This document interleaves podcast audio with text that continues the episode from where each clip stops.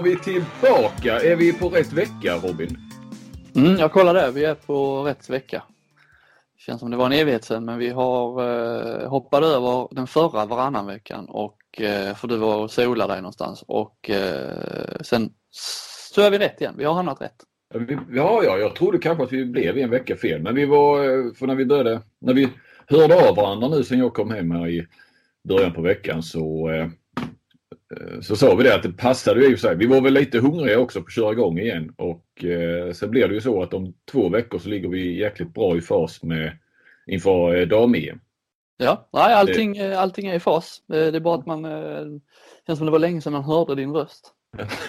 ja, det länge sedan jag hörde din röst också. Mm, ja. ja. Och du är i fas med med livet och pappaledigheten? Ja, jag sitter här i min eh, poddkällare som eh, jag har inrett här lite fint med två datorer, en snus, en kaffe, en mobiltelefon, Twitter uppe, eh, hörlurar i. Perfekt. Poddkällare, det låter som ett så här pojkrum för den äldre tonåringen. Utanför poddkällaren har jag ett litet pingisbord, en darttavla Eh, min DVD-samling och Blu-ray-samling som eh, jag inser nu eh, efter teknikutvecklingen pengar kastade åt fanders. Ja, det, det, är det, men du har ju haft en stor behållning av att se dem. Men, men det är klart att, att uh, själva skivorna nu är inte så mycket värda, nej. Nej. Det var det jag tänkte att de skulle bli förr eller senare. Ja, du trodde liksom att du skulle nästan få igen pengarna en vacker dag. Ja, exakt. Sälja hela samlingen för uh, 50-60 000 kanske. Ja men man vet aldrig. Det. Ja men man vet aldrig. Hade jag haft samma samling i vinyler. Exakt. Alltså, man vet ju aldrig var, var utvecklingen eh, tas. Behåll dem. Det är mitt tips. Ja. Link är hemma i Helsingborg i alla fall och allting är bra och säkert och fint. Ja, det är det. Definitivt. Och du kastade dig rakt in i hetluften i, eh, i handbollen när du kom hem. Du har varit på Eh, Eh, ganska spännande, jag är lite avundsjuk på det du har sysslat med i veckan kanske. Du har varit på, eh, du har hängt med Kristianstads eh, lag. Berätta. Ja, ja.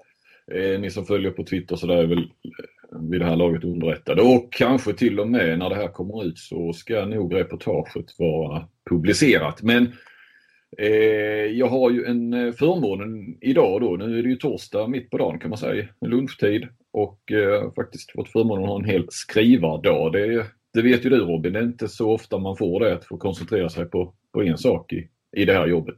Ja, man kan få det ibland men då får man eh, ta det på sin fritid. Ja, precis. Men jag har betalt idag faktiskt. Så ja. att, eh, eh, och anledningen är att eh, jag följde IFK Kristianstad så nära det går att komma skulle jag vilja säga. Eh, tror jag uttryckte det till och med på Twitter att det är närmare än vad någon annan media fått komma ett handbollslag i Sverige. Och det är ju stora ord men, men jag har svårt att se att man får, kan komma mycket närmare och eh, det är jag ju både glad och lite stolt över så sätt. Men eh, jag ska inte sitta här och, och eh, skrävla på något vis. Eh, men det blev 12 timmar med IFK Kristianstad och eh, då hinner man inte skriva någonting så att säga. Så att det är därför jag sitter och skriver reportaget idag. Och det är ju ja, lite tidlöst är det i varje fall. Jag kunde skriva en artikel efter matchen. De mötte ju Sävehof igår då borta. Så det blev en artikel direkt efter matchen. Men eh, annars så, eh, så är det rätt så i dagens hetsiga ständiga deadline och det här så är det ganska skönt att kunna eh, förhoppningsvis göra det lite genomarbetat. Men jag tog eh, rygg på eh, IFK, eh, tog tåget till eh, Kristianstad igår strax efter 11 var jag framme. Halv 12 samlades de i arenan. Kvart i 12 rullade Kagans buss. Den eh, profilstarke, sorglöse busschauffören som eh, oftast kör eh, IFK i sin, i sin egen buss så att säga. Han har ju ett eget bussföretag. Känns som att de kommer få jävla bra reklam eh, i det här reportaget. Kagans buss. Ja, ja de, det är ju bara han ju. Han har väl någon annan också? Jag tror inte han har riktigt anställd. Han säger att han inte har någon anställd men han har väl en, en ja han har ju fyra bussar och sånt igång så att han har väl eh, Frilansare. Frilansare ja, som kör för honom. Men eh, nej, han, eh, kommer ju att förekomma i reportaget kan man ju lugnt säga. Ja, men han får rätt så stor roll där faktiskt. Lite över. Det var ju inte en, det var ju fast ingen plan på det va. Men, eh, han eh, hade ju ingen aning om att jag skulle eh, följa IFK så han trodde ju att jag... Fan, jag har blivit knapert Flink. Behöver du gratis buss till, till matcherna? när, han, när han såg att jag skulle med. Eh, men, nej, men grejen är väl då att Nej men så jag åkte ju med där då så i bussen och sen plockade vi upp Ola Lindgren och idrotts, deras idrottspsykolog Johan Ekegren, han är med på några enstaka matcher i Halmstad. Åkte vidare, stannade och käkade lite söder om Varberg.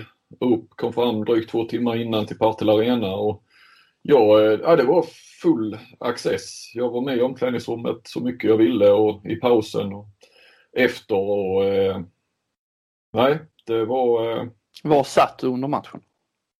Eh, där frågade jag, det fick jag inte för någon eh, funktionär. Det var lite sugen på att sitta på den här läkarstolen som är bakom. Men de hävdade att man, det fick jag inte utan eh, de satte mig då vid Kagan och Ekengren på läktaren. Men jag flyttade så att jag satt precis bakom bänken. Eh, men det var ändå ett sånt avstånd så att jag hörde inte. Eh, och, och, nej, så, det var ju ingen större stämning i Partille Arena som vanligt. Även om nu då Sävehof vann så det är klart det var ju glatt och det var rätt så bra tryck får man lov ändå säga. Men eh, det är ju inte öronbedövande men trots det så var ändå avståndet så stort. Jag hörde inte vad de sa på bänken och så. Men jag kunde naturligtvis följa. Följa, eh, såg ju gesterna och uppgivenheten och så vidare.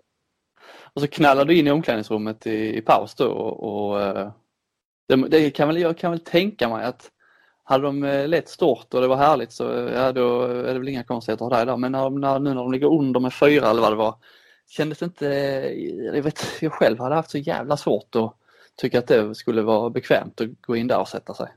Ja men det hade, ja jag förstår vad du menar men jag hade, jag hade redan blivit inbäddad då. Men jag var ändå så pass... Du var en del i gänget då? Nej, det vill jag inte heller säga. Men, men jag hade ju ändå varit tillsammans med dem då i åtta timmar i bussen och gått runt och, och snackat med många av dem. Och suttit med i omklädningsrummet. Alltså det var ju, ja, jag var ju nästan där en timme då innan matchen. Eh, och eh, hade fri tillgång till att filma eh, allt jag ville. Va? Så att jag filmade ju hela taktikgenomgången som då inleddes exakt en timme före avkast avkast klockan sex. Det var ju dubbelarrangemang där Sävehof. Damerna spelade efteråt mot eh, Skövde. Mm. Som de körde över. Eh, och eh, jag hade hört det då. Leo Larsson hade jag lite så där satt jag snackade rätt mycket med i bussen. Hade förberett honom på att jag, ja sådär, pump, skulle pumpa honom lite grann på vad som, vad som händer och så. Och jag visste inte heller hur mycket tillgång eh, jag skulle få eh, i omklädningsrummet och sådär. Så jag tänkte jag kunde kanske ha Leo som i så fall i efterhand kunde berätta lite att, vad som sades och sådär. Men då sa han att eh, ja, men det är liksom, när vi kommer fram så är det fritt eh, vad man vill göra i stort sett då fram till en timme innan. Det är alltid en timme innan. Då håller Ola taktikgenomgången. Och han stod alltså med sin eh, telefon. Eh, musiken pågick fram till 15.58 någonting. Eh, 15.59 satt alla på sin plats. Sen stod han och tittade på eh, telefonen och exakt när den slog om till 16.00 så började han. Han förklarar ja. inte varför då? Eller varför Nej, är det så himla noga? Nej, jag sa bara det, det var en timme. Ja, det är alltid exakt en timme. Men det är ju så att de, de bryr sig ju väldigt mycket och det berättade eh, Lasse Olsson, assisterande tränaren och, och eh, om det var Ingmar Gambi också, massören. Att, och det är ju de nya spelarna lite, ja, ska man säga, de blir lite förvånade, lite, det tar lite tid innan de kommer in i det. Att de, liksom laget, alla spelarna är alltid redo fem minuter innan eh, träningen ska börja. Att man är alltid det i god tid till allting. Och det märkte jag också. Det var ju väldigt exakta tider kring allting och det, det var inte så mycket tjat om tider utan det var så rutiner. När vi stannade åt eh, var säkert beräknat att vi skulle var framme 14.00 på den här vägkrogen och det var vi också. Så märkte jag att alla satt ju åt eh, och efter en halvtimme var de väl klara och sen satt jag kvar och snackade med Ola lite. Och sen gick vi ut till, eh, ja vi satt och stod och så gick vi ut och då, då satt de i bussen och några satt väl eh, utanför i foajén där till vägkrogen och 14.45 rullade vi iväg och jag frågade det lite Lasse Olsson sen just att eh, om det alltid är 45 minuter. Ja det är knappt så att de liksom har koll på om det är 45. Alla vet bara att så här är det. Va? Eh, så att det är nog, eh, ah, ja, det är väl smart när man är en stor grupp som, som reser mycket och så att ha sina fasta rutiner och sådär. Så att de, behöver, de räknar i princip alla in varandra så att alla är med eller så. Utan... Men det är det här, man tänkte, tänkte faktiskt på det redan igår när man såg matchen där. Det, det, du fick ju, man kan väl säga att du fick perfekta både förutsättningar före och eh, resultatet blir ju perfekt för din del kan jag tänka mig. Alltså de, du, på vägen dit då har de alltså vunnit mot Vesprem Champions League. Eh, det borde vara eh, jävla härlig stämning. Det är glatt och gött i, i bussen dit. Alla är öppna och trevliga och härliga. Och Lindgren är lite mjuk och fin. Och sen då får du, du får ett, de ligger under i paus, du får lite arga toner där, utskällningar kanske, de förlorar och så får blir det rakt motsatt stämning då i bussen på vägen hem, antar jag. Eh, du, du köper det att det var, det blev, det blev perfekt? Ja, det blev ju det. Det var ju eh, Stockenberg Sävehof-tränaren beklagade sig på Twitter då. Eh, tråkigt att Flinks studieresa som man kallade det fick ett tråkigt slut. Eh, och att det var lite otur. Men jag svarade honom att det är väl snarare så att reportaget blir bättre för det det ja, det var ju en annan tongång. Det sades ju nästan mer och tydligare saker i omklädningsrummet än om det hade blivit seger efter. Framförallt från Ola Lindgren då Men eh, och eh, då svarade ju eh, Stockenberg att han var glad att det kunde bidra till bra journalistik. Men ja, riktigt, om det nu blir bra journalistik det får ju någon annan bedöma men jag tycker inte att Stockenberg kanske ska ta åt sig så mycket av det. Det är väl snarare eh, IFK med Jesper Larsson och Ola Lindgren som var de som jag, där jag planterade idén. Jesper var inte med på matchen, han är inte med så ofta på bortamatcherna. Eh, men framförallt Ola Lindgren som öppnade dörren helt och även spelarna som eh, jag sa till när Jesper presenterade idén tidigare i veckan för spelarna att om det var någon som känner sig obekväm med att jag är, att jag är med. Eh, för det är ju ändå inne i det heligaste så att säga. Så kunde de ju säga till om de inte vill förekomma i reportaget mer än möjligtvis vad de gör ute på planen då. Men det var ingen som hade några sådana tankar eller eh, villkor på något vis. Så eh, jag tycker snarare det, det är dem och eh, är det någon i Sävehof så är det väl kanske Oskar Sonnefelt eller målvakten Björgvinsson som i så fall ska ha lite cred för att de sänkte Kristianstad och kanske gjorde det här reportaget eh, ja, lite bättre. Det tror jag nog. Ja, nej men, men det, det, mm. hur, var, hur var din roll? Vi har ändå, när man har, vi har varit med lite på Champions League-resor så, då har man, har man ändå suttit och man har åkt med laget till och från flygplats och hotell och matcharena och så här. Det, det, det är ju, eller det känns, jag tycker att det är ett märkligt ställe i den där spelarbussen där ja, jag vet inte hur många de är med som, som är med i laget men eh, vad kan det vara, 20-25 pers runt laget.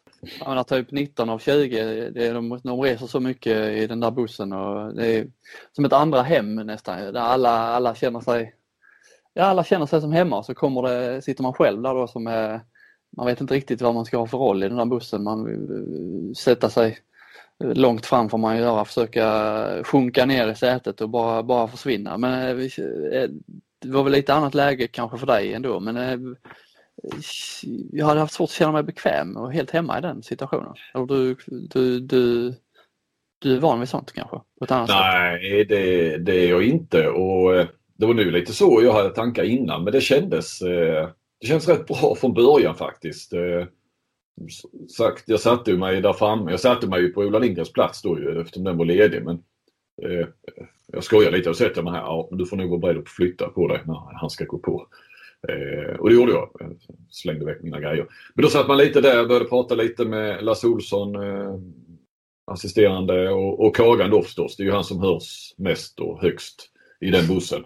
Fast han sitter längst fram eh, så hörs han ju i princip ända bak. Men eh, det, nej, någonstans där så blev det väl ganska sådär lite småsnack och sen hade jag bestämt med Leo Larsson, han sitter ju längst fram och spelarna kan man säga precis bakom ledarna. Och, så att snacka med honom en stund och Kapelin eh, var framme hos Kagan där så vi satt och snackade lite där. Och så, så, ah, man kom ju in i det så. Sen var jag inte runt och pratade med alla spelarna. Va? Men eh, gick bak och tuggade lite med filmgänget där och så har du Gudmundsson som, som eh, har längst bak hela sätet där med madrass också. Eh, lite madrass som de har tydligen till massagen och så.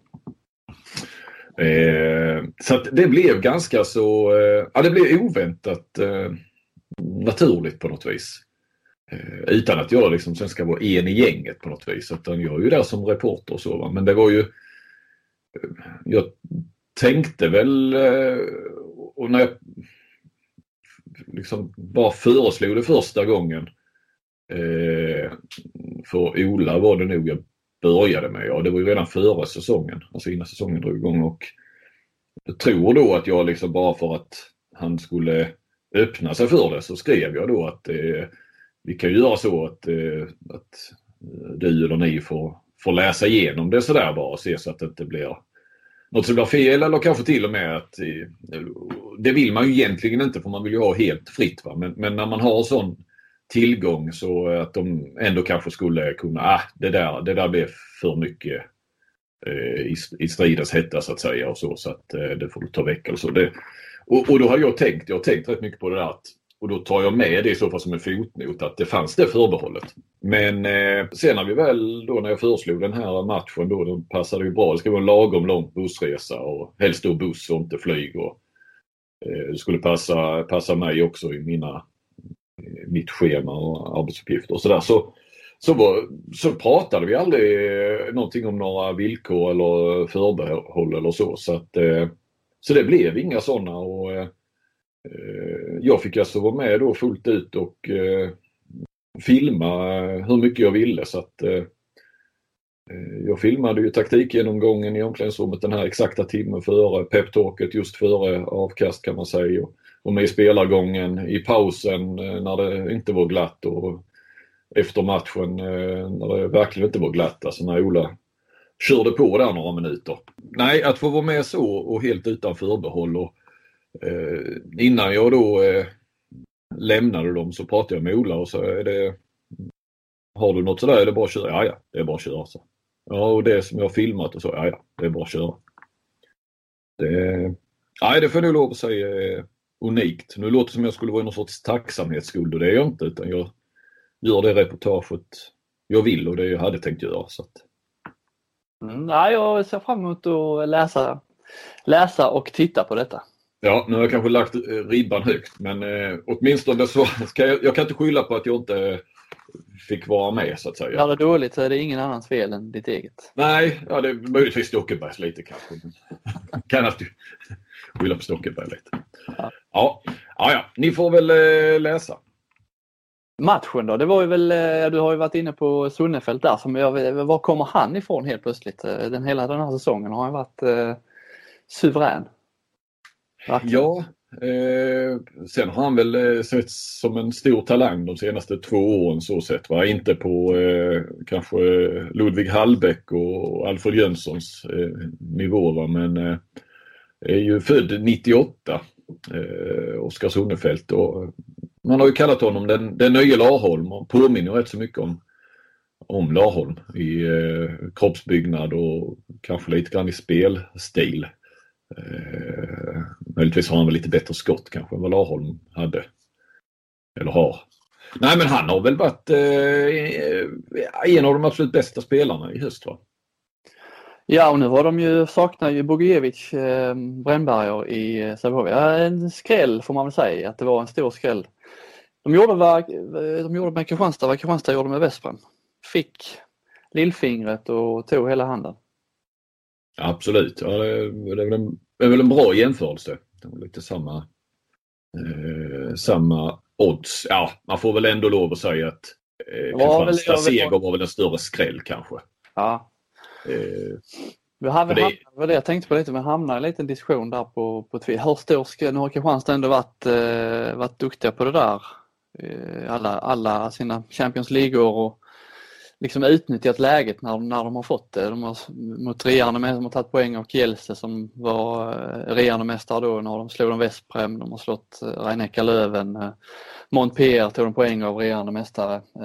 Men lite sådana lag som lite down, lite på väg neråt, lite i en eh, skakig situation klubbmässigt som Vesprem var mycket turbulens där och underskattning som i Rhein Lövens fall. Att eh, eh, de har varit bra på det där och jag tar läget när det kommer. så att säga. Ehm, sen just man jämför skrällar så fanns en liten diskussion där på Twitter som det alltid blir med att när Kristianstad har slått ett sånt här storlag att det är som att eh, Malmö FF skulle slå Real Madrid och så, jag vet inte om det var Berggren som som eh, kom in på det att det skilde, eh, skulle Malmö slå Real Madrid eller något liknande lag så, så skulle det vara ännu större skräll för det skiljer mer i svensk fotboll än vad det, jämfört med Europatoppen än vad det gör i svensk handboll och, och Europatoppen. Och det har han ju rätt i. Det han rätt i. Men så tänkte jag komma in på det, för det är ju samtidigt då är det ju väldigt mycket svårare att skrälla i handboll. Mm. Det blir en jäkla massa mål och om man tittar på mästerskap. Det är inte så många handbollsmästerskap där det att det är ett skrällag som vinner överhuvudtaget. Det ser vi väl nästan aldrig. Nej. Eh, men det är knappt så att man ser matcher där det egentligen är stora skrällar av, av, av det slaget. Det är klart att favoriterna kan förlora en match så men, men då är det ändå så pass jämna lag att, att det inte är i närheten av eh, den typen. Liksom. Ja, men det, det, alltså rent jag vet inte om man kan säga till 100% men nästan så vinner ju det för dagen bästa laget i handboll. Ja, ja. Eh, så är det ju. Och så behöver det inte vara i fotboll. Där är slumpen spelar ju mindre roll. Ja, men du kan, du kan, kan vara ett sämre lag och ändå liksom eh, försvara dig till och, och, få in en fast situation och ändå... Eh, ja, men titta på Grekland när de vann EM-guld i fotboll. Ja.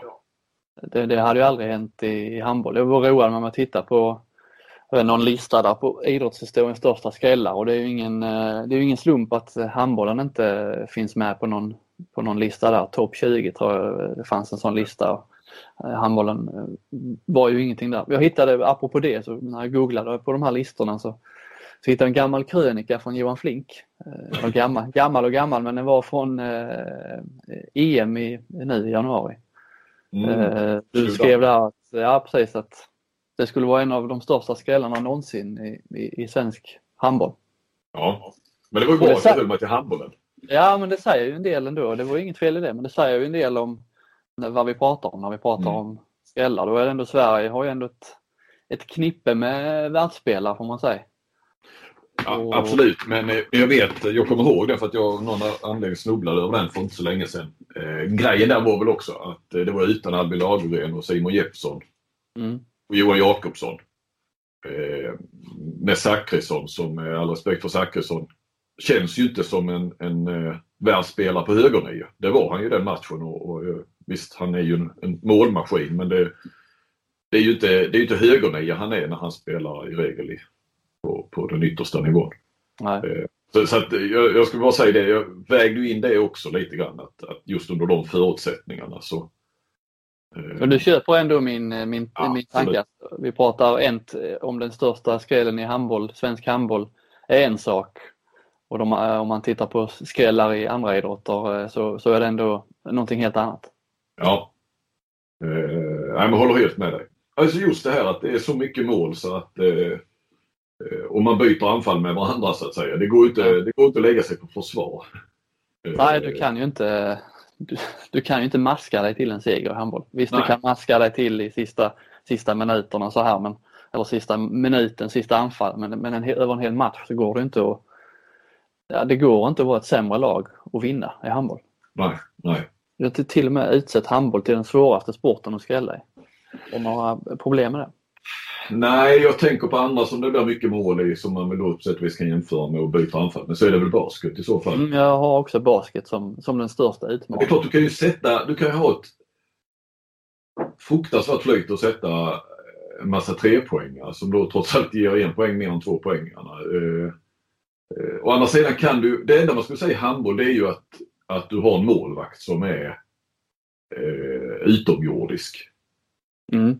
Det har du inte i basket. Den räddningen har du inte i basket. Nej, och det är väl den så att säga. Du kan inte lägga dig på försvar. Taktiskt kan du ju inte försvara en ledning i, i handboll. Men, men du kan ju ha en målvakt som gör sitt livs match. Eh, på en nivå liksom nästan mot motstånd som inte eh, som är högre än vad han egentligen är på på något vis. Som, och det, och då ska du ändå göra målen eh, framåt. Ja. Ja, absolut. Men när jag pratade med, med Ola lite inför matchen och han, han drog ju för mig lite liksom, taktik och hur de tänkte och sådär och, och vad Sävehof skulle göra så skulle de göra sig och så. Eh, det var ju också, det var ju liksom mer intressant att höra sådär utifrån.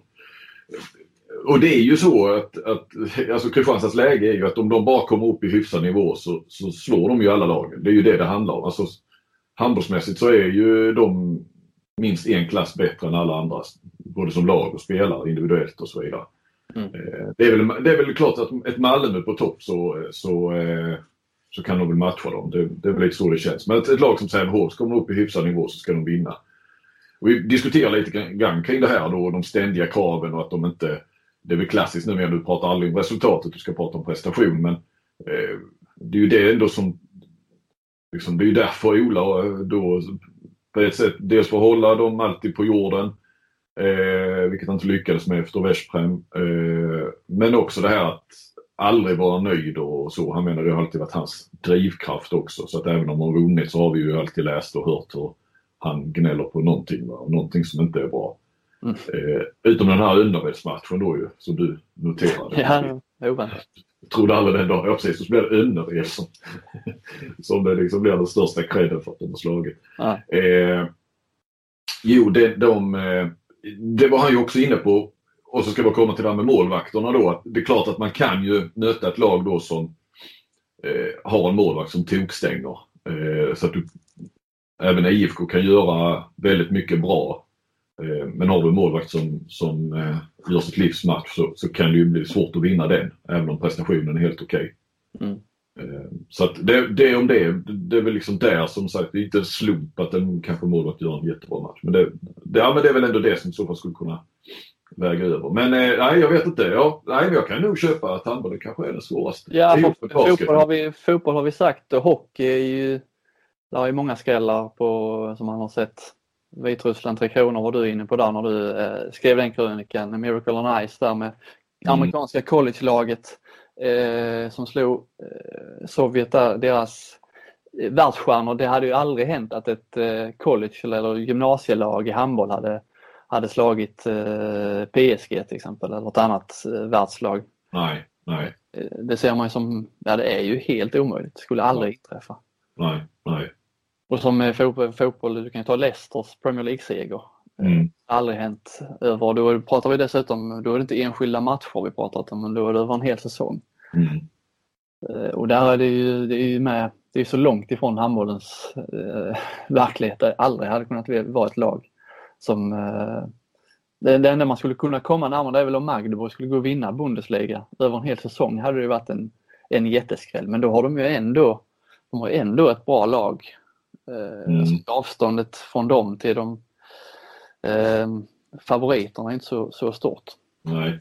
Om man tittar på de här största skrällarna i idrottshistorien så är det ju, det är ju, det är ju fotboll som, som dominerar listan totalt. Fotboll och hockey och sen är det lite, om man tittar på lagidrotterna då.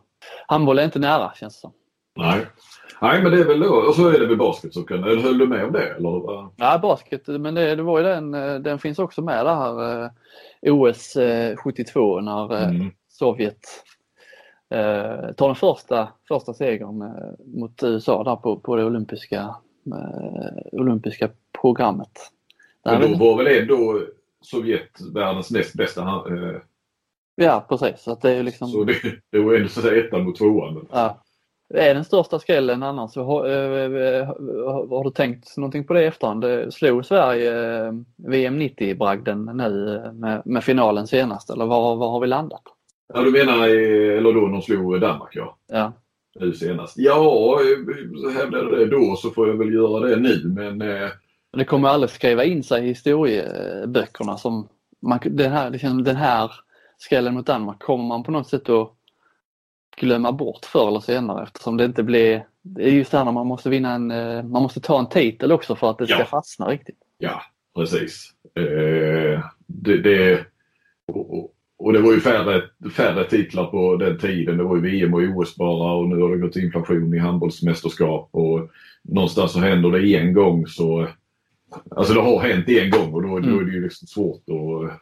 Toppa. Så, ja det är det ju även om jag, jag, jag tyckte ju det då sett till, till den enstaka matchen så, men jag menar det.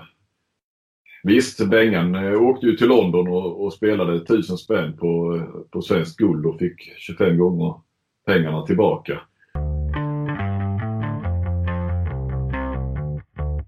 Ska vi studsa vidare till uh, lite Champions League. Uh, vi lämnar Kristianstad för den här podden. Det har blivit mycket Kristianstad men det får vi, det får vi ta. Ja, det får vi göra en, en dag som denna. Det har varit Champions League. Du eh, landade och var lite jetlaggad och fastnade framför eh, Vardar Barcelona.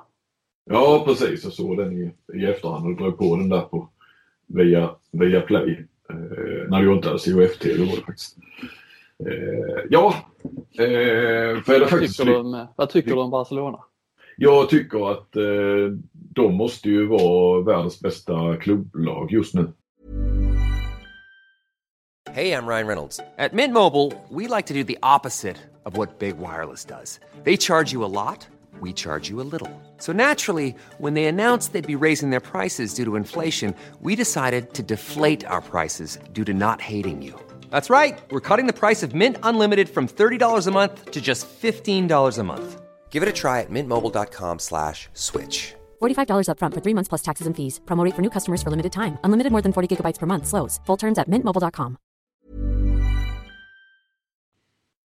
Och ändå lite nederlagstippade inför säsongen känns som. Eller ja. jag, jag hade i alla fall tippat dem eh, betydligt längre ner i den här Ja, ja. Nej, men de har ju förändrat eh, och det får man ju ge Pascual, heter han väl, tränaren. Det är ju samma tränare som de senaste åren men, men att man ändå kan eh, förändra sig på det viset. Det är ju ett, ett snabbare spel, mer rakt på. De var mer omständliga i, i fjol och eh, nej, och har ju ett så, lite nytt lag också. Och, eh, lite kul också med, det är mycket fransmän såklart va? men det, det är ju inte riktigt de här superstjärnor de hade ett tag då när de, alltså de här mest namnkunniga då för några år sedan när Karabatic var där. Eh, Nej precis. Det... Då hade de väl Lazarov va? Eh, mm, Karabatic och, och eh, eh, nu tappar jag ju. Gisha har ju varit där. Gisha ja, Rotenka även om han var ju på, på nedgång då men eh, Nej men det är det, ja, det laget utan nu är det ju eh, Duarte, en portugis. Mm. Tagit från Vissla Plock eh, som hade rätt stor roll i den här matchen mot Varda. Och, eh, du har ju eh, Petros eh, står det ju på ryggen på honom, brassen, Dos Santos. Det är lite kul, så det är ju från lite andra, eh, inte de stora, största handbollsnationerna. Eh, bara. Nej. Eh, han verkar ha fått ihop det jäkligt bra. Uh, och sen har alltså framförallt som imponerade var deras försvarsspel. Mm. Varda kom ju ingenstans mer än de fick löja så det var lite kantmål i princip. Men så är det ju Dicka Mem som var ju fruktansvärt bra jag har förstått. Jag har ju inte sett Barcelona så mycket men, men har ju varit bra hela hösten kan man väl säga. Han gjorde som han ville. Jag tror han gjorde åtta mål. Ja, det är inte så konstigt att Kristianstad inte kom någonstans mot, mot deras, deras försvar. Nej, nej. Så eh, nej, men jag undrar inte om de är bäst just nu. Eh, sen är det ju, har de ju, de kan ju gå all in på Champions League också. De, de springer ju i ligan så att eh, det kan, det kan inte vara så roligt ändå att spela i Barcelona på det viset. Men det är ju en god stad att leva och, och du tjänar bra så det är klart det finns så många uppsidor men att, att, ha, att ligavardagen är så förutsägbar kan inte vara särskilt roligt. Jag tittade på eh, dubbelmötet då, PSG-Flensburg. Mm. Flensburg var väl närmare att vinna i Paris. Eh, apropå härliga handbollsstäder. Men jag vill ändå fastna lite eh, runt det här märkliga PSG, eh, får man ändå säga. De har, eh, de har varit mycket på tapeten, klubben har varit mycket på tapeten eh, efter det här Football Leaks. De hade ett avslöjande där om att PSG hade någon policy, de hade rasprofilering där i fotbollssessionen. När de har valt bort talanger baserat på ursprung och hudfärg och det har varit inte så mycket skriverier i svensk press men internationellt har det varit så du följer väldigt nära den internationella? Ja visst, jo, det, är klart, det är klart att jag gör det. De internationella fotbollssajterna. Du läser nästan mer det än, än svenska Ja. ja. Ja, men det har, det, det har ju själva skandalen i sig har väl inte så, det har ju varit eh, klubben har erkänt det här och eh, skyllt upp på enskilda scouter som har, som har fått, det har inte varit någon policy från, från eh, liksom klubben som så utan det är enskilda scouter som har lagt in det i, i, i sitt sätt att arbeta. Det har, så det har kanske inte sådär väldans mycket med handbollsförgreningen att göra men det, det gör ju inte att man eh, tycker mer om Paris eh, än vad man gjorde tidigare direkt. Och då har man ändå aldrig tyckt om PSG, PSGs handbollslag sådär särskilt mycket. Väl?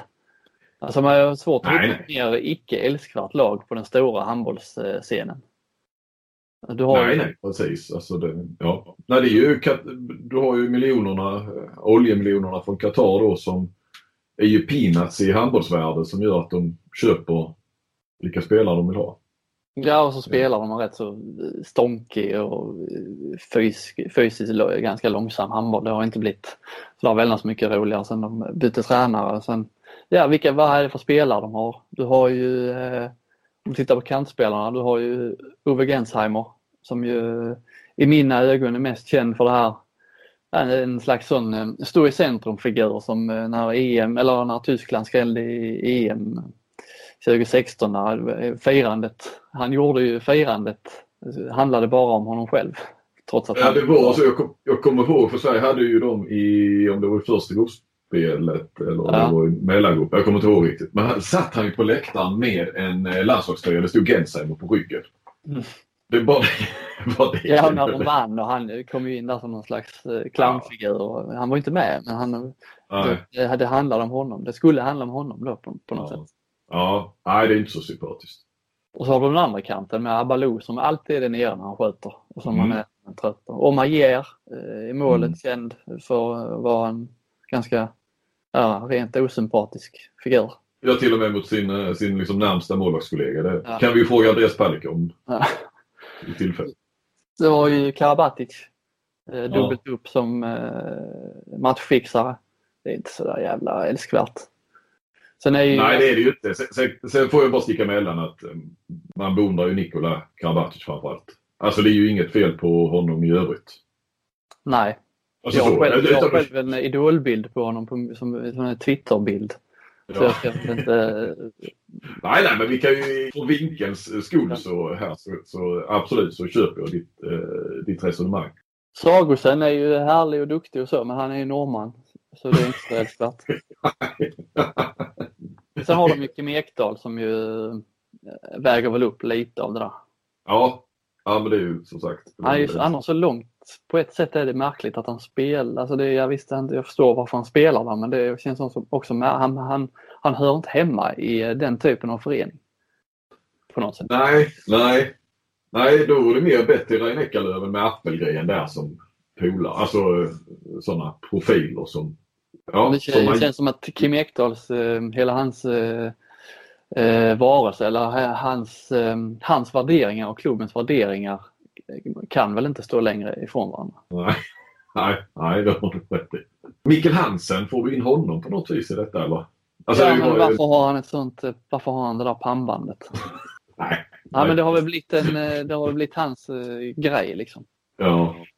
Han har inte det för att håret är i vägen. Då har han kunnat ha ett annat pannband. Mm.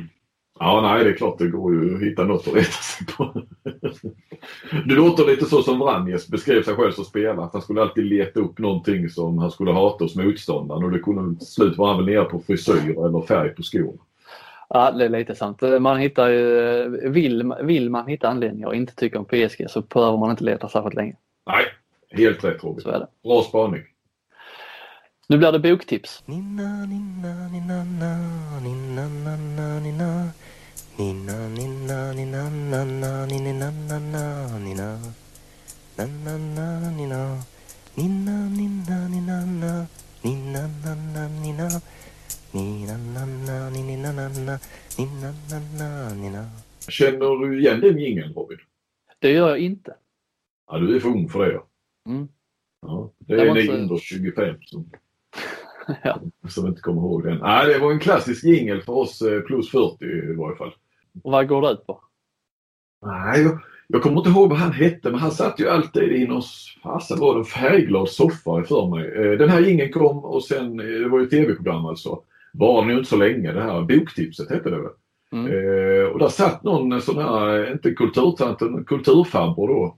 Så att säga typ som bibliotekarietyp. Om jag inte, det är liksom den bilden jag har framför mig utan att ha, ha googlat nu och då kört, kollat Youtube. Så sitter han typ i en röd eller orange soffa och eh, berättar, eh, gör lite boktips. Och det var det i 5, 10, 15 minuter och sånt bara. Stefan Mellqvist. Hette han det ja? Mm. Hade det på tungan hela tiden. Satt i en regnbågsfärgad soffa. Den var regnbågsfärgad. sammanförda händer. Ja. Mm. Men det var ju sändas eh, 1989. Ja, ja, men det är en del av min barndom i varje fall. Mm. Eh, och anledningen är ju att vi, det är ju nästan otroligt att vi har två handbollsböcker att prata om i samma podd. Det känns som det kommer ut en handbollsbok vart tredje år kanske. Någonting. Ja, max. Ja. Nej, Nu ska vi säga att den ena är dansk så att eh, nej, det, det, det kommer väl kanske lite handbollsböcker i, i, utomlands eh, som gör att det kommer, det, det är väl i Sverige det kommer max en vart tredje år. Vi har ju pratat lite om eh, vi- vilka vi vill läsa självbiografi av och nu har du väl läst eh, i alla fall en typ av självbiografi? Ja, det, Tänker på Ja. Albin Tingsvalls. Ja, Albin Tingsvall ja. Eh, ja men det är det ju på, på ett vis samtidigt som den är ju en oerhört reflekterande bok och eh, har ju ett annat eh, syfte än att beskriva karriären som inte blev så lång. Utan det är snarare en beskriv- beskrivning av varför den, varför den inte blev så lång. Eh, det är inte jättemycket handboll i den. Eh, fast en del ändå. Eh, han eh, det här är ju, alltså han ifrågasätter ju elitidrotten. Och eh, han gör ju det utifrån alltså, sin egen karriär så att man kan säga att man följer ju den kronologiskt och sen så börjar hans tvivel då på, på elitidrotten och på handbollen och, och hans tillvaro och så vidare. Eh, men i varje kapitel då som, alltså det är ju hans karriär som för handlingen framåt men det är ju liksom nästan, känns det som bitvis, två tredjedelar är ju ett reflekterande över var han i olika saker kring eh, eh perspektiv på, på elitidrott. Eh, jag har ju jag har gjort en alltså jag känner mig jag ska säga i början av veckan marinerad av Albin Tingsvall. Jag fick eh, boken eh, pdf då digitalt när jag var på semester. Och läste den under semestern, läste den färdigt den på flyget hem. Eh, kom hem eh, lördag kväll. Eh, bokade upp honom för en telefonintervju på måndag.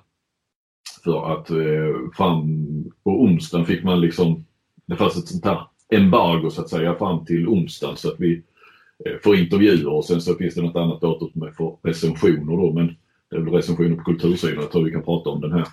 Eh, och sen så, då hade han ju redan varit med i ett radioprogram som heter eh, Kropp och själ. Det finns som eh, ja, podd, podd också. Eh, där var det en längre intervju och sen ett snack med, med lite experter och sånt där kring det. Så det lyssnade jag på och sen gjorde jag då en dryg timmes intervju. Eh, nej, det var mycket Albin Tingsvall där. Just läst, lyssnat, intervjuat honom och sen så att jag lyssnade igenom hela intervjun i en timme. Du vet, så, och det är ganska så ah, det är inte några så här lite anekdoter bara som man ska skriva om utan det är ett ganska så stort ämne och Tunga ämnen ja, men det är ett rätt tungt ämne. Man vill göra honom rättvisa. Han beskriver det på 270 sidor egentligen och, och det där ska man då koka ner och sen så man ihop det till en intervju. Och så, så lyssna igenom hela den och sen skriva den då. höll jag på med i stort sett hela tisdagen. Så att, eh, nej, det var väldigt mycket. jag drömde nog om Albin Tingsvall också. Men årets eh, viktigaste bok inom idrottssverige eller idrottsvärlden skulle jag vilja säga det. är. För den, den, eh, en väckarklocka, det är en... Eh, jag känner själv att man...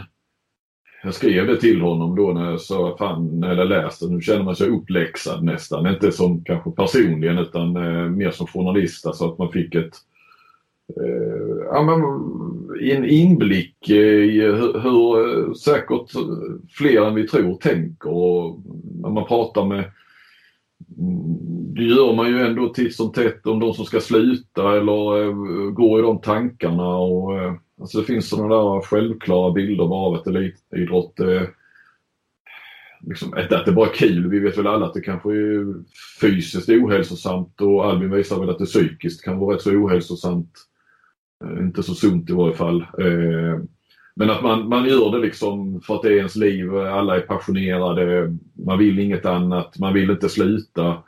Man vill fortsätta så länge som möjligt. Men, men jag tror att det är många fler än, Eh, som, som, tänk, som går i andra tankar. Men i, och man själv har ju liksom det är ju lite så, man ville ju bli eh, fotbolls eller handbollsproffs och om man inte blev det så blev man journalist så fick man ändå vara eh, kring det. Va? Så det har ju också varit en jättestor del av ens liv och precis som Albin säger så finns det ju jättemycket gott och bra i idrotten. Han, han, det är liksom ingen kritik mot idrotten utan det är ju mot elitidrotten. Mm. Eh, men det är ju en bok som borde bli obligatorisk läsning för unga talanger, för eh, idrottsföräldrar, för eh, ledare, tränare, klubbstyrelser. Ja, allt. Sen behöver man inte hålla med honom men alltså, det blir en väckarklocka. Men, men ja. Nej. Är, det, är det en fyra plus-bok? Ja det är den och, och det beror på lite vad, vad, man är ute efter. Jag skulle säga att i, i, i sitt ämne eh, och, och, syftet med den så, så övertygade den mig eh, oerhört. Så att då skulle jag säga att det är en fem plus-bok. Men är du ute efter roliga anekdoter och väldigt mycket bakom kulisserna hur det är i landslaget och så, så, så är det kanske inte då fem plus. Eller då finns det säkert eh, kanske mer att berätta samtidigt. Så det, man får reda på en del så, men det är ju inget skvaller, det är inget så. Han berättade att alltså han till exempel så eh, han har ju knappt med några namn egentligen på de här personerna och har han med så är det bara förnamnet för att han vill inte, ska inte vara en massa namedropping och nämner han inte den ene så, så för att slippa nämna andra så att säga för att hamna i det här, det är vårt helt lag och han vill ge kredd till många och så vidare. Så, så är det rätt många som bara förekommer med förnamn och så vi som är hyfsat insatta i handbollen vet ju vilka det handlar om. Men, ja, jag förstår, förstår eh, att du har varit eh, eh, det är kanske en konstig jämförelse men jag förstår din, alltså när man läser en bok och själv är involverad på, inte i hans karriär men du är själv involverad inom idrott, elitidrotten, att, du, att man grottar ner sig, alltså att man blir, man blir en del av det på något sätt. Ja, man blir uppfylld av det. Jag skulle bara säga också där med namn, alltså grejen var han sa att manuset jag skickade till förlaget först det innehöll inga namn alls. Men de hade ju sagt att vi behöver ha lite namn i det för det blev lite mer kött och blod. Och det är klart du ska sälja några böcker också kanske och lite så. så att, eh, jag vet inte om du noterade hyllningen av Tobias Karlsson? Eller rätt sagt, ja, jag såg det utdraget där. Ja, eh, den, den eh, hyllade honom som den bästa lagkaptenen han hade haft. Ja. det, var inte, var inte, det var inte en särskilt lång period. Nej, det var det ju inte. Nej, ja, det var ju han hade ju honom i Hammarby också. Lite. Var ju både, ja, det var i landslag. Men det var ju år, ja lite i landslaget sådär. Ja.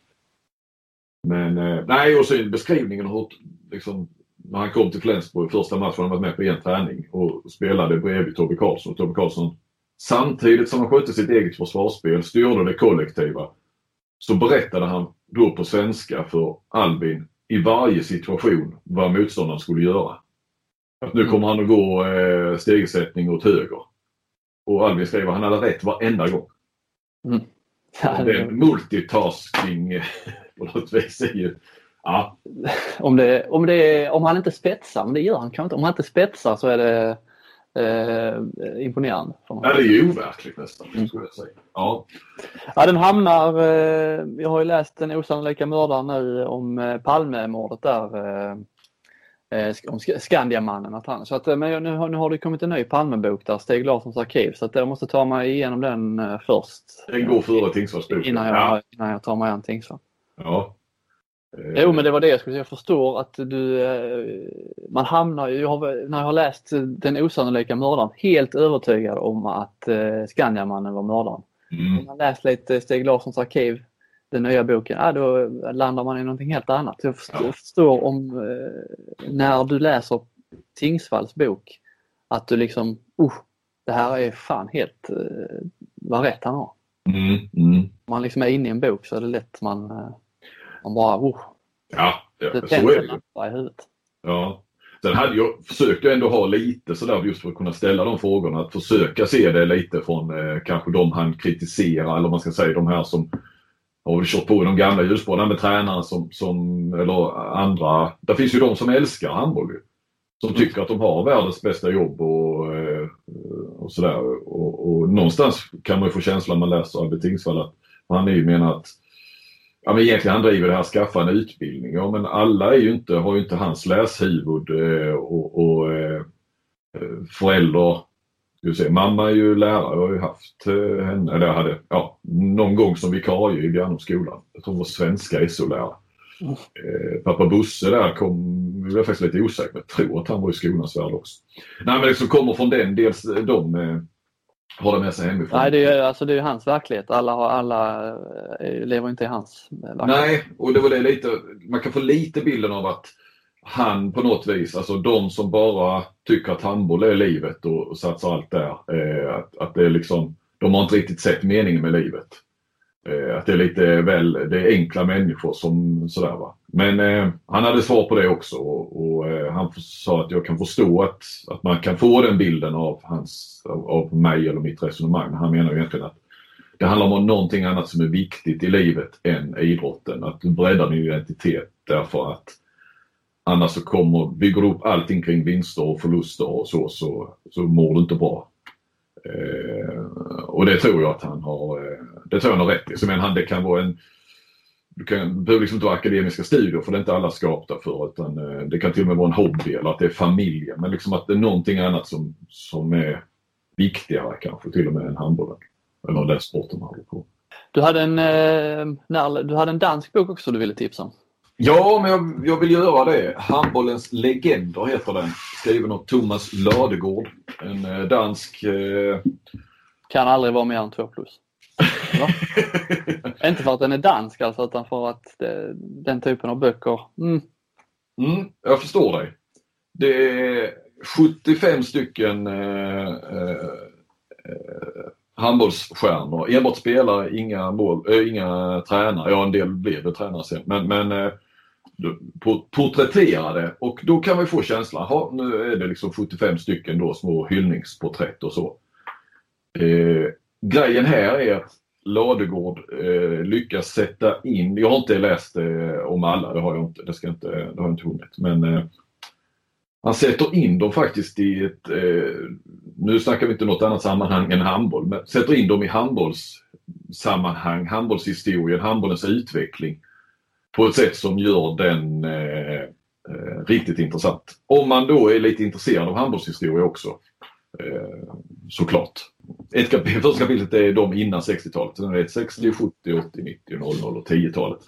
Men i varje kapitel, och de här decennierna inleds också med att eh, ja, går igenom handbollens eh, utveckling under det decenniet. Liksom, vad som händer då när 90-talet med Bengaborg som kommer med kombinationer som tar över efter det som var tidigare. Va? Och så, aj, jag, eh, jag vet inte, den kanske passar mig just nu därför att jag eh,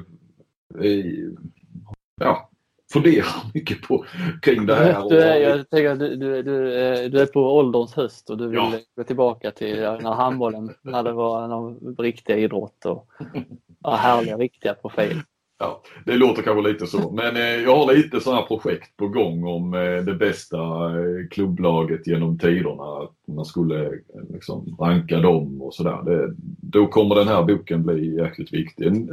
Flera av dem som man själv inte har liksom upplevt de här på tidigt 80-tal och 70-tal. Man har talas om, om dem såklart och så visste att de var bra men eh, han är väl, väl insatt i, i både handbollen och och så. Så att eh, ja, jag kan rekommendera denna. Så det är lite åt det här Claes Hellgren som han gav ut tillsammans med Åsa Josefsson då för ett tag sedan. Som är ju mer som ett eh, standardverk över herrhandeln. Det här är både herrar och damer för övrigt.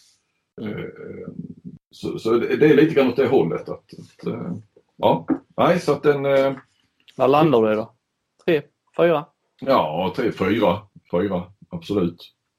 Mm. Generöst med betygen idag. Ja. Ska jag nämna det? Hur många svenskar tror du är med? Uh, jag tror att eh, Thomas Svensson är med, Stefan Löfgren är med, ja, Mats Wislander är med. Ja, rätt. Uh, någon kvinna till, kanske. Mm. Någon... En svensk damspelare. Och två herrspelare till. Nej, en herrspelare till. Är det Mats Olsson där då? Nej, det är en Staffan äldre. Olsson. Eh, Stockenberg är med. Jaså? Ja. Den, den äldre är väl Stockholm? Ja, Karl-Erik. Eh, han är med. Eh, då innan han var, var på 50-talet. Och Mia Hermansson Högdahl. Ja. Eh, Eh. nej, för det kan ju inte ha varit någon eh, efter henne och det, jag tror inte det är någon i nutid som man har tagit med där. Nej. Så att det var väl bara henne som var rimligt. Ja. Eh, det är ju desto fler danskar. Eh, och jag har haft kontakt med Thomas, eh, författaren, och eh, han medgav ju att alltså hade det här, det, skulle, det kunde varit flera svenskar och hade, hade jag varit svensk så att säga, eller gett ut den på svenska eller så, så hade det ju varit såklart fler. Det är ju en liten överrepresentation av danskar, men det är inte så konstigt. Den ska ju säljas i Danmark. Mm. Han har faktiskt, eh, jag kan bara säga då, för man får ju ändå ge honom att han blir ju liksom lite grann auktoritet i, på området och handbollshistorien. Så har han ju listat eh, eh, tidernas bästa manliga handbollsspelare. Jag ska inte dra hela listan men eh, 1 till 10 alltså. Ja. Vi kan ju då, vem tror du toppar den? Bästa handbollsspelare genom tiderna. Mm. Ja, Vranjes, eller Wislander har ju blivit utsedd till det. Eh, Men det gissar att han inte är här då eftersom du, du ställer frågan lite lurigt. Ja, Wislander är tvåa. Den enda svensken på topp 10. Ja, men det är väl svårt att komma förbi Karabatic. Han är etta. Han heter det. Mm. Han tänkte att det skulle vara någon, eh, nej, viss, att skulle vara någon, han skulle vara lite svår att ta någon kanske ännu äldre. Nej, precis. Nej. Men eh, Gruja, eh, rumänen, och det var det slutet av 60 eller 70, början på 70-talet. Eller under 70-talet var han var till. Eh, Trea. Säga. Vujovic fyra. Wieland Schmidt, DDRs gamle stormålvakt, femma. Så att Thomas Svensson hyllade honom på eh, Facebook nu nyligen. Eh, Wieland Schmidt som den eh, största genom tiderna målvakt. Inga anmärkningar. Eh, tack för boktipsen Flink. Ja. De Eh, hamnar på min lista. Ska vi runda av med lite Kagan till? Du, du, eh, du avslöjar ju, han hade någon, eh, eller han avslöjade för dig någon, någon, eh, någon märklig grej med sitt eh, företags telefonnummer. Precis. Han, så att han hade ju bara mobilnummer tidigare men det blev rätt mycket ringande på kvällarna och sådär tyckte han. Sen verkar han jobba dygnet runt i och för sig. Men, så han skaffade ett fast nummer som man då så att säga kan ändå ha lite telefontider på. Eh, och då la han ju in då en, en eh, kan man göra då, då en, en, eh, liten telefonväxel. Där man eh, kan trycka då, det var tre val han har. Eh, grejen är ju då att, alltså tryck ett för bokningen eller vad det nu var. Grejen är ju att alla nummer går till, till Kagan. och det är han själv då i telefonsvararen också. Som, fast med lite då eh, ska man säga, uppländsk accent vi kommer att höra. Det är inte det här Gärsås eh, målet som han eh, egentligen har. Där Nej, han kommer. har ansträngt sig när han har talat in meddelandet. Så kan man säga. Ska vi ta och lyssna på det som lite avslutning? Vi kan avsluta med, med busschaufförens eh, telefonsvarare. Ja, Kagas växel. Då tackar vi för idag. Tack! Vi syns igen, eller hörs igen om två veckor. Då står EM eh, för dörren för damer. Då blir det väldigt mycket mer eh, damhandboll. Perfekt. Hej och välkommen till Kagans buss. Du vet väl att ni hittar all information om våra resor på hemsidan och är absolut enklast att boka den vägen också. www.kagansbuss.se Tryck 1 om du vill boka eller fråga om någon av våra bussresor. Tryck 2 om du vill ha prisuppgifter och offert på bussresa. Tryck 3 om du har en fråga på redan gjord bokning eller bokad buss. Ni na na na ni na na na ni na na